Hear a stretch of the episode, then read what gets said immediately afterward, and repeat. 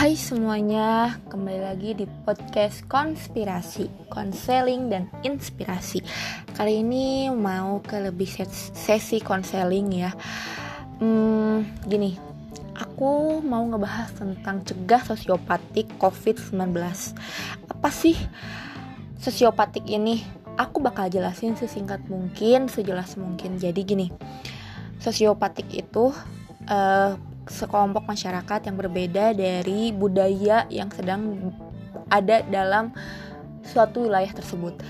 Sekarang pada kalau ngelihat pada uh, zaman sekarang yang lagi sedang terkena pandemi, semua bahkan dunia itu sedang melarang kita untuk beraktivitas di banyak orang melakukan social distancing, PSBB, bahkan lockdown. Oke, nah tapi uh, ada juga sekelompok masyarakat yang menentang keputusan pemerintah dengan mengkoar-koar mengajak yang lainnya untuk tidak takut terhadap COVID karena COVID ini adalah uh, masih ciptaan Tuhan dan kita nggak usah takut sama ciptaan Tuhan. Terus kemudian ada juga yang harus tetap berjamaah, saat berjamaah dan ya pokoknya ya kalau nggak sholat ya terus ya gimana bla bla bla bla bla bla pokoknya. Oke, itu yang biasa disebut dengan sosiopatik. Jadi sekelompok masyarakat yang berbeda dari masyarakat yang ada di wilayah tersebut intinya. Jadi harusnya itu kayak gini, tapi sekelompok ini tuh beda gitu. Jadi gini ya, kalau masalah eh, nggak uh, boleh takut sama corona benar benar jangan takut sama corona buktinya apa kita memper, mem, mem, apa memerangi gitu kalau misalnya kita takut ya kita diam di rumah tanpa e, berperang gitu.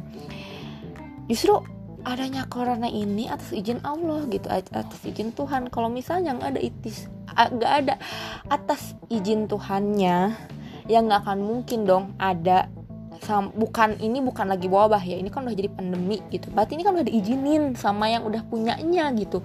Terus kalau masalah saat Jumat ini nih yang aku heranin. Ketika semuanya lagi normal semua semuanya nggak ada di masjid gitu.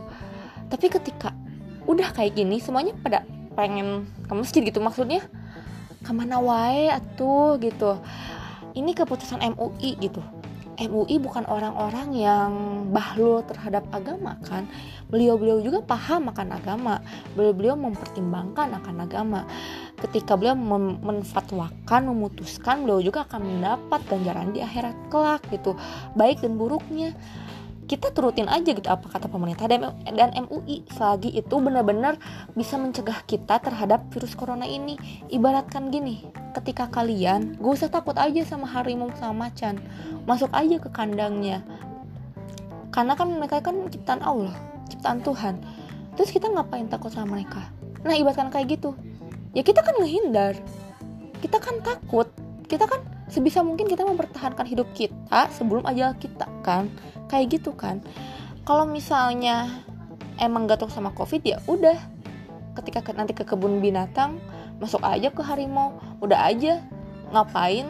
Takut. Kan itu kan ciptaan Allah harimau juga. Kan kayak gitu gitu maksudnya. Itu analoginya gitu. Kita mau kaya itu usaha doa usaha doa usaha doa gitu. Kenapa harus usaha? Ya iyalah usaha. Masa aja ada tiba-tiba uang dari langit segebruk atau berdoa terus terusan mau mau kaya mau kaya mau kaya. Emang zaman sekarang ada orang yang tiba-tiba ngasih geplok satu triliun geplok satu miliar ke orang. Kan aduh pusing deh gitu. Maksudnya hah emang ada gitu? Justru karena dengan usaha kita harus kita bakal bisa jadi kaya tentunya dengan diiringi doa biar apa? Usahanya biar lancar kayak gitu kan.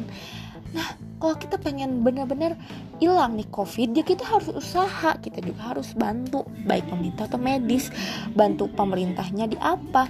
Bantu pemerintahnya kita tetap di rumah biar nggak musingin tuh pemerintah terus saja naik. Bantu medisnya gimana? Biar gak banyak yang positif lagi gitu. Jadi ayolah kita sama-sama kompak. Jangan seperti satu negara ya aku sebutin inisialnya I. E, karena banyak masyarakatnya yang sosiopatik kayak gitu ya udahlah ya udahlah ya udah ya udah ya udah gitu. Akhirnya angka kematian angka yang terinfeksi lebih-lebih dari negara asal covid ini. Kayak gitu. Jadi tetap uh, stay di rumah mari berkreativitas di rumah jaga imunitas tubuh dan tetap berpikiran positif. Sampai ketemu lagi di podcast aku. Selanjutnya jangan pernah bosan dengerin podcast aku. See you in my podcast. Bye